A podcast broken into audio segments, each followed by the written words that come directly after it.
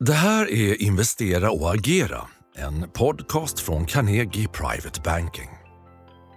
Det är onsdag 4 oktober när vi spelar in podcasten. Vi vänder blad. Vi går från september skuggorna över börsen till, ja, hoppas på hopp om oktober då, även om det nu är viss motvind från stegrande amerikanska långräntor. En liten räntefrossa som pressar börserna i starten på det nya kvartalet.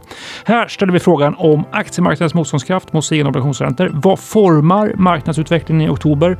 Och om vi trots allt står inför ett sista kvartal kvartal med potential. Vi gästas av Carl Hedberg, aktiechef Carnegie Private Banking. Jag heter Henrik von Sydow. Välkommen till podcasten Investera och agera. Ja, Carl, vi går ju från det som historiskt har varit eh, alltid är nästan en svag månad, september, till en stark månad, eh, oktober, oftast då historiskt. Eh, dessutom gör vi det i ganska översålt eh, läge på Stockholmsbörsen. Hur skulle du beskriva status på Stockholmsbörsen just nu?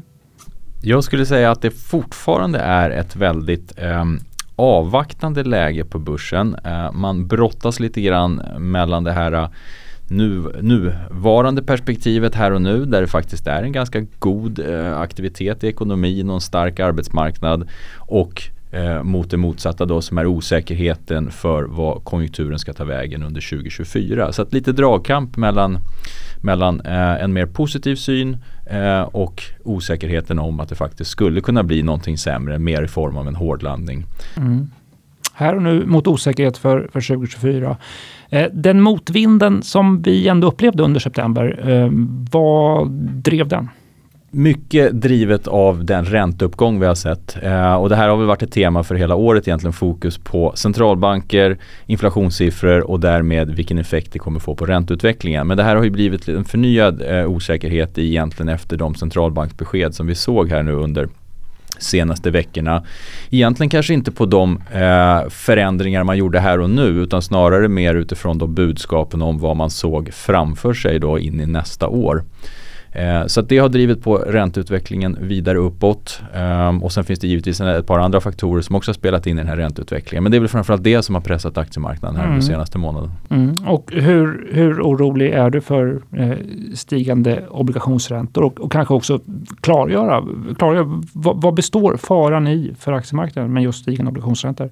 Ja, problemet för aktiemarknaden det är att om centralbankerna tvingas att fortsätta höja räntan för att få, få ner inflationen i schack så kommer man ju på, på sikt kunna tvinga in ekonomin i en hårdlandning och det är ju det man verkligen hoppas att man kan undvika. Och effekter, de negativa effekterna egentligen av högre räntor, ja, men det finns ju flera olika men det uppenbara är att dels att konsumenter pressas ju av att kostnaderna blir betydligt högre. Detsamma gäller ju för företagen kostnader ökar. Det kommer ju även kanske göra att man drar ner på investeringar som, som slår mot framtida vinster. Och sen har vi också den här diskonteringseffekten av att framtida vinster kommer ju räknas ner till, till lägre nivåer vilket då pressar till exempel tillväxtbolag. Mm. Och om man skulle fråga om vilken motståndskraft som, som börserna har nu, hur skulle du resonera om det? Ja, men så länge det finns en god vinsttillväxt så tror jag att man kan stå emot det här ganska bra. Sen är det klart det dyker ju också upp alternativ till aktiemarknaden när, när räntorna ökar. Mm. Det bör ju faktiskt finnas ganska gott om möjligheter att få en bra avkastning utanför aktiemarknaden då i, i ränteplaceringar istället. Så det är ju också en sån här negativ faktor för aktiemarknaden. Mm. Eh, och på temat motståndskraft då? Vad, ja men det är framförallt så, så, så länge det kan, kan, vägas upp mot att företagen fortsätter att växa sina vinster, att, att mm. efterfrågan fortsätter att hålla emot väl, kostnaderna skenar inte iväg allt för mycket så att man kan behålla vinsterna och se dem öka under, under det kommande året så tror jag att man kommer klara de här högre räntenivåerna. Men det får inte bli för snabb takt i ränteökningen och en för stor osäkerhet i vad vinsterna ska ta vägen nästa år. För då tror jag att aktiemarknaden kommer stå inför en svagare period. Mm. Mycket uppmärksamhet eh, sedan vår senaste podcast också då på CNNs, CNNs eh, så kallade Fear and Greed Index, skräckindex. Det har ju sjunkit till under 20, jag tror att det var 17 eh, när vi gick in i studion här nu, eh, vilket då indikerar extrem rädsla eh, på marknaden och hos investerare. Känner du igen den stämningen och sentimentet i kontakten med svenska investerare? Jag tycker inte riktigt att man känner igen det utifrån den kontakten som, som jag och mina kollegor har med svenska privatinvesterare. Och egentligen inte riktigt eh, från svenskt institutionellt håll heller fullt ut så. Men jag tror att det är en större effekt på den amerikanska marknaden där då uppgången har varit eh, större tidigare. Den mm. har varit driven av ett, ett, ett, färre antal bolag som har haft en väldigt fin utveckling. Och det där har börjat lite grann slå över då till, till en, en, en, större rädsla för, för en snabbt stigande ränta och då börjar pengar leta sig ur aktiemarknaden, åtminstone lite kortsiktigt. För det där tittar ju mycket på eh, indexutveckling på den amerikanska börsen som styr det där. Mm. Du, om vi blickar, blickar framåt och tittar på både fasta situationer och vad som kan komma i nyhetsflödet. Vad tror du sätter tonen för Stockholmsbörsen i oktober?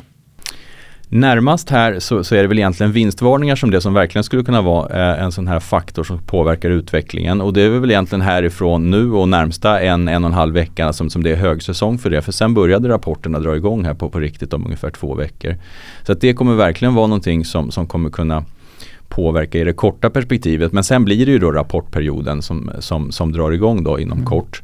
Eh, och där blir det ju väldigt intressant att se vad bolagen dels har lyckats göra under tredje kvartalet men det tror jag inte, där är ingen större dramatik egentligen utan det blir framförallt då prognoserna för, för de eh, nästkommande kvartalen som bolagen lämnar. Mm. Och vilka förväntningar har du inför rapportperioden?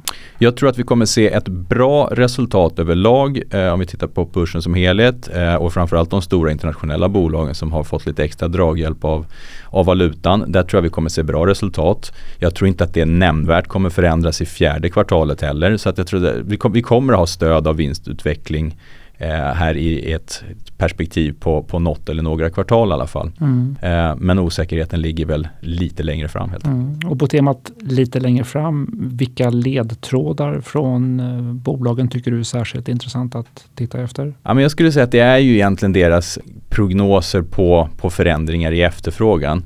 Jag tror inte som sagt att de har märkt någonting eh, i, i nämnvärd omfattning under tredje kvartalet.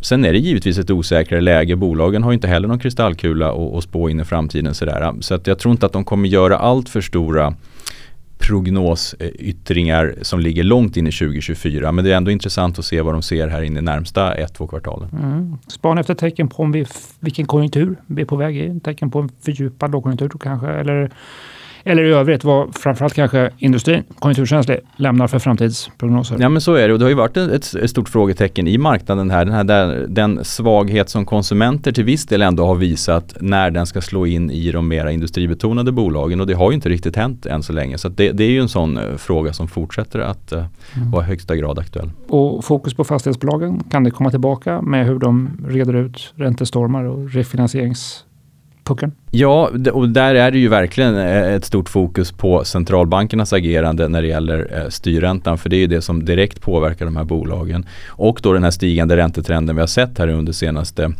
senaste månaden. Det är klart att den går ju åt, åt fel håll för fastighetsbolagen. Och utöver det då så har vi den här stora frågan kring hur man ska omfinansiera de eh, obligationslån som finns och även till viss del då bankfinansieringar. Mm. Om vi ska göra dina kommentarer lite actionable, eh, handling på detta, investerare som nu sitter med eh, placerbart kapital.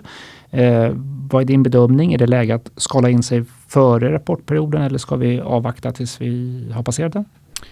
Jag tycker att det är lite beroende på vad man har för, för horisont på sina placeringar. Men jag tycker absolut i ett kortsiktigt perspektiv att man kan köpa in sig i marknaden här och nu. Jag tror att vi kommer se en kortsiktig studs eh, som mycket väl skulle kunna hålla sig in mot rapporterna.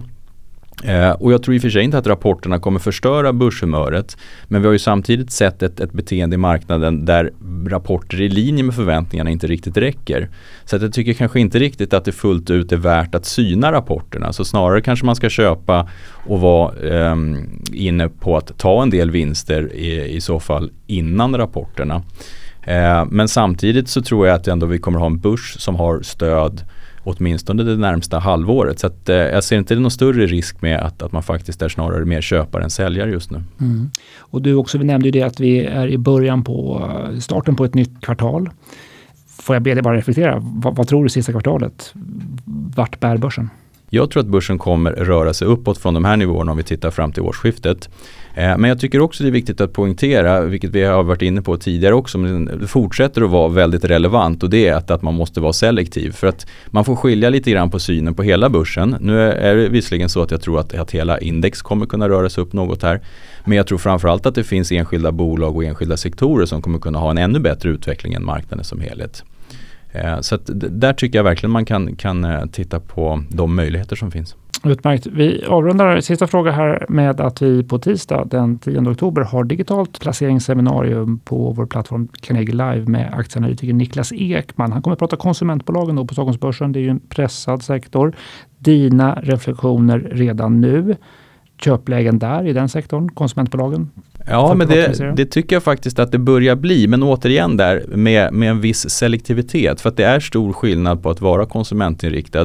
De bolagen som jag tror kommer ligga bäst till där, det är ju de som, eh, som styrs av ett behov av att, att, ersätta produkter eller någonting som är mera behovsstyrt helt enkelt. Inte det som är bara nice to have. Vi ser ju till exempel att, att hemrelaterade konsumentbolag har det tufft fortfarande.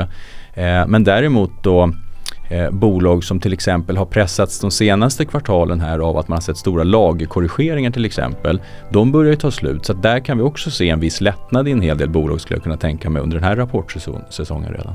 Utmärkt, tack för det Kalle. Och mer om detta då på tisdag den 10 oktober klockan 10.00 på vår digitala plattform Carnegie Live där vi gästas av Niklas Ekman, aktieanalytiker för 30 minuter aktieanalys. Han svarar då på frågan vad är egentligen mest pressat? Är det hushållen och konsumenterna eller är det konsumentbolagens aktier?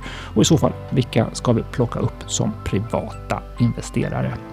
Välkommen ta del av det. Välkommen också ta del av nästa podd som vi släpper torsdag den 12 oktober. Nu säger vi tack för att du har lyssnat.